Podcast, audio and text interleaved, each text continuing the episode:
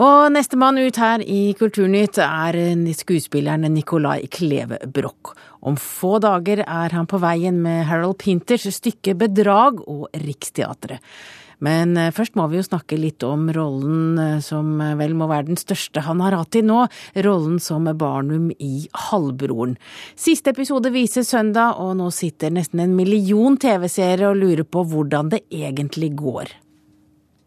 Ja, og jeg kommer ikke til å si noe om det her, altså. Hvordan det går. Det, det må man vente til søndag for å se. Men det var en ganske dramatisk episode, den nest siste? Ja, det er jo noe med at det begynner å snøre seg til, da, og ting liksom begynner å samle seg i en slags eh, eh, Hva heter det for noe? Katarsis, er det heter? En slags sånn eh, stor, eh, stort oppgjør, da. Eh, og det er jo det som smeller til i åttende. Hvis den hadde fått dårlige kritikker, mm. så ville vel det vært en ganske stor nedtur, for det er jo et stort prosjekt? Det er klart det, men eh, det henger Det er ikke så enkelt. For når vi har lagd et, et sånt type verk som Halvbroren er, så er vi såpass fornøyd selv. Uh, og jeg var så stolt av den serien lenge før den ble lansert, uh, at jeg brydde meg egentlig ikke så mye om, om hvordan anmeldelsene ble, for jeg ville ikke gjort noe annerledes uansett. Men nå er du altså i gang med noe nytt. Eh, det er Harold Pinters bedrag, men du har jo fortsatt med deg halvbrorregissør Per Olav Sørensen. Du har med deg Samuel Frøler og Agnes Kittelsen følger jammen med på lasset også. Og dette handler om bedrag, det handler om kjærlighet. Fortell. Det handler om tre mennesker eh, som elsker hverandre på hver sin måte. Eh, to stykker er gift, To stykker er bestevenner, og to stykker er eh, elskere. Eh, men alle er vil egentlig hverandre vel. Og alle har på en måte egentlig bare et ønske om å gjøre det beste. Men de klarer vel kanskje ikke helt å stå for det, da. De prøver heller å få til alt lite grann sånn som min karakter, som prøver å bevare vennskapet til han jeg var forlover i bryllupet til, samtidig som jeg har et eh, forhold til eh, hun han giftet seg med. Det er jo en umulig oppgave, eh, så det er klart at det går jo ikke så bra. Men veien fram til det er veldig morsom og, og spennende å følge. Er det et morsomt stykke? Jeg vil si det er et morsomt stykke. Det er mye latter der. De er ganske sterke verbalt. Altså det er morsomme replikkvekslinger og morsomme situasjoner. Eh, ganske sånn skjerpa situasjoner, som vi kaller det. Eh, Hva er, er en skjerpet situasjon? Nei, Det er f.eks. når jeg eh, tar kontakt med Robert for å beklage at jeg har hatt et forhold til kona hans. og og jeg tror han fikk vite det i går. Eh, I løpet av den samtalen så får jeg vite at han har visst det i fire år. Og at jeg på en måte har vært bestevennen hans, samtidig som han har visst at, han har ligget med, at jeg har ligget med hans kone. Det er jo en typisk litt skjerpa situasjon og vanskelig å forholde seg til. det er liksom bedrag på bedrag på bedrag? Ja, det er jo det. Og jeg føler jo i stor grad at jeg som er elskeren, er kanskje paradoksalt nok den som blir bedratt mest, da. Men eh, det, det kan man jo diskutere.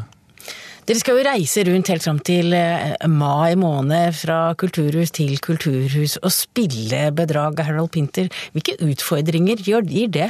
Nei, Det blir spennende. Jeg har aldri vært på turné før. Jeg gleder meg fryktelig til eh, å komme på de forskjellige spillestedene. Eh, det blir jo forskjellige rom, forskjellige størrelser og forskjellige energier i hvert enkelt rom. Så jeg tenker at vi må på en eller annen måte tilpasse oss rommene, samtidig som vi skal ta vare på denne forestillingens egenart. Da. Så det, det, tenker jeg blir en utfordring, men jeg vet ikke helt hvordan løsningen på det blir, ettersom det, jeg er førstereis. Du har jo spilt mange roller. Du har spilt mange roller på teater, du har spilt mange roller i film og nå på TV. Og du sier, når du blir intervjuet, så sier du alltid at du bruker veldig mye energi på å sette deg inn i rollene og forberede deg på rollene. Jeg leste et eller annet sted at du holdt på å miste håret da du var blond Gregers Gram i Max Manus. Men det, ja. Og jeg så jo hvordan du var i Uno. Da hadde du jo pumpa så mye jern at du hadde fått store muskler og var skikkelig barsk. Da, ja. Hvordan forbereder du deg på en rolle som, som den du spiller i Bedrag? Nei, altså dette er vanskelig å svare fort på. Eh, men jeg mener at eh, hvordan vi ser ut, da, hvordan vi velger å fremstå overfor de vi møter, det, mye, det er veldig betegnende for også hvem vi er. For vi ønsker å kommunisere hvem vi er. Og Derfor så har jeg et aktivt forhold til hvordan karakterene mine ser ut. For det sier noe også om hvem de er inni hvordan de ønsker å fremstå.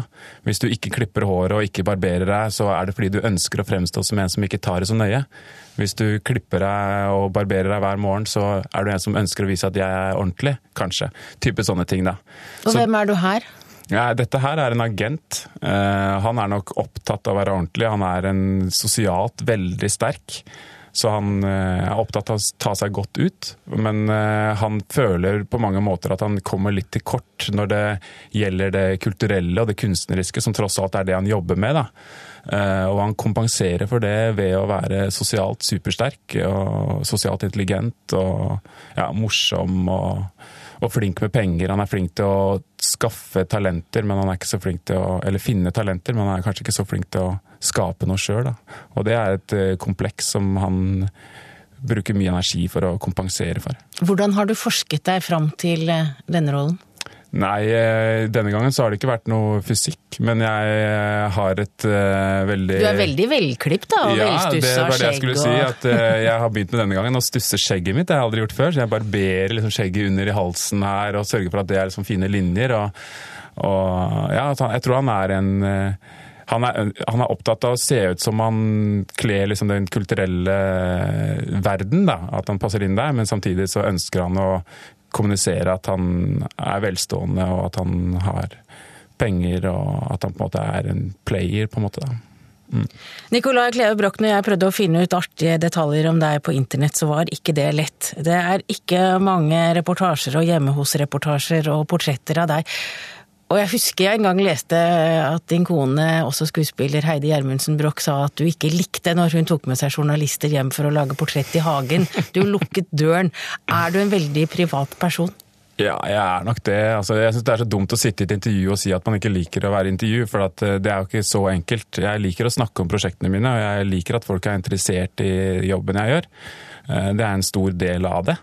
Eh, men jeg eh, er ikke noe opptatt av å vise fram hjemmet mitt, eh, eller å vise fram liksom de private sidene, de som ikke har en del de som ikke er knyttet til, jobben min og det arbeidet jeg gjør. Og det er både fordi jeg syns det er privat, at jeg kanskje er litt sjenert, men også fordi jeg mener det er viktig som skuespiller å ha en viss distanse. At ikke alle skal vite hvordan jeg egentlig er, for da vil det kanskje kunne stå i veien for de karakterene jeg prøver å lage. Og fredag er det altså premiere på stykket der Nicolai Kleve Broch har en av hovedrollene.